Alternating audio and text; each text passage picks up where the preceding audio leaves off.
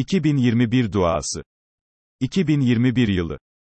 Maskelerin foro olduğu, mesafelerin aradan kalktığı, hepimizin aşılandığı, ben de korona oldum cümlesinin hiç işitilmediği, vaka sayısı, ölüm sayısı tartışmalarının yerle yeksan olduğu, kucaklaşma döneminin başladığı, entübe kelimesinin unutulduğu, 65 yaş üstünün rahat bırakıldığı, 18 yaş altının sokaklarda cıvıl cıvıl koşuşturduğu, sinemaların açıldığı, konserlerin alıp başını gittiği, yoğun bakımların bomboş kaldığı, restoran ve kafelerin özgürleştiği, kısıtlamanın kesinin bile kalmadığı, bir yıl olsun inşallah, amin. 2020 onlar için nasıl geçti? Şeyma Subaşı. Hepimiz zorlandık ama en çok o zorlandı. Kızcağız doğru dürüst partileyemedi yahu. Yok böyle zulüm. Canan Karatay. Kişisel tarihine, kelle paça yılı diye geçti bu yıl. Kedim Sekter. Değişen bir şey yok. Uyku, miskinlik, mama, uyku, miskinlik, mama, uyku miskinlik, mama. İlber Hoca. Bir, maşallah dedi yıl sonuna doğru, bir yıla bedel. Bülent Arınç. Talihsiz Serüvenler dizisi gibi bir yıl oldu onun için. 2020'nin en bahtsızı. Dilini tutamama yılı olarak geçti kişisel tarihine. Ahmet Hamdi Çamlı. En az 48 polemikte siyasi polemik liginin şampiyonu oldu. Muharrem İnce. Silkindi, kendine geldi, köprüleri attı, bir özgüven kazandı falan ama netice hala belirsiz. Fahrettin Koca. Şartların da zorlamasıyla 2020 resmen ve alenen, Fahrettin Koca yılı oldu. Sedef İbar. Yılın en iyi aşuresine ve yılın en iyi portakallı kekine imza atmayı başardı. Merve Boluğur. Deli kız türküsünü çığırarak geçirdi koca yılı. Mansur Yavaş. Tek sorunu yine Melih Gökçek'ti. Nusret. Onu bir tek korona durdurabilirdi ama o da durduramadı. Hasan Ali Toptaş.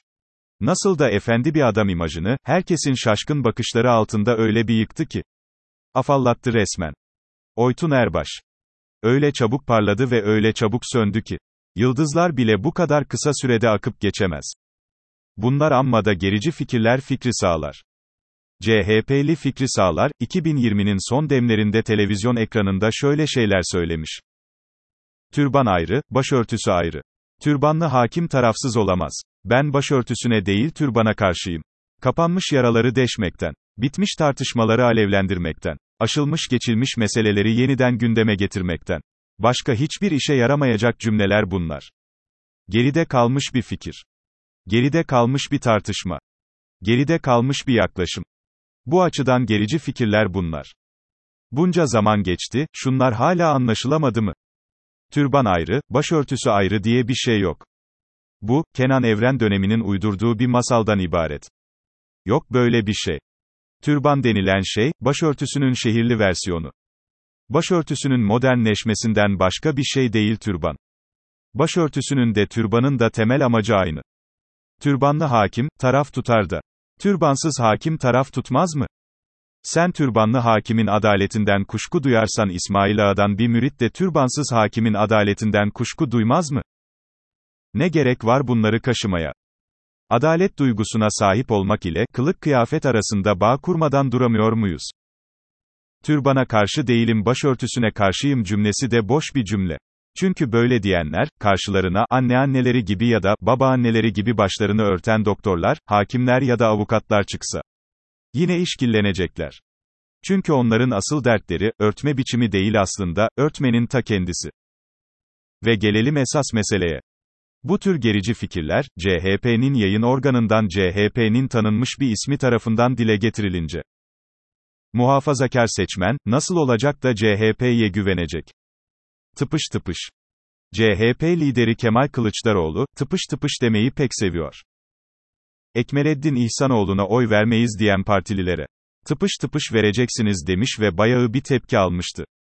Şimdi de hükümete, AİHM'nin Demirtaş kararına tıpış tıpış uyacaksınız dedi. Tıpış tıpış sözünün iki etkisi oluyor. 1. Çok kulak tırmalıyor ve feci derecede antipatik geliyor. 2. Karşı tarafta, yapacağım varsa da yapmam etkisi yaratıyor. Kemal Bey'in şu, tıpış tıpış lafını, acilen lügatinden çıkarmasında büyük fayda var.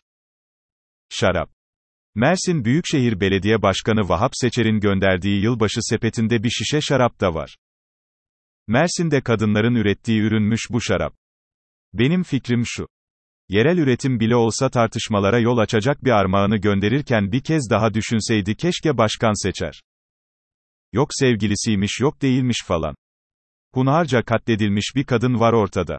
Biz oturmuş, acaba bu vahşeti yapan adam kadının sevgilisi miydi, değil miydi tartışması yapıyoruz. Sanki sevgilisi olsa, yaptığı vahşet biraz hafifleyecekmiş gibi. Sanki sevgilisi olmasa, yaptığı vahşet iki kat artacakmış gibi. Vahşete odaklanalım vahşete. Katletmeye, yakmaya, kanlı ellerle havale etmeye odaklanalım.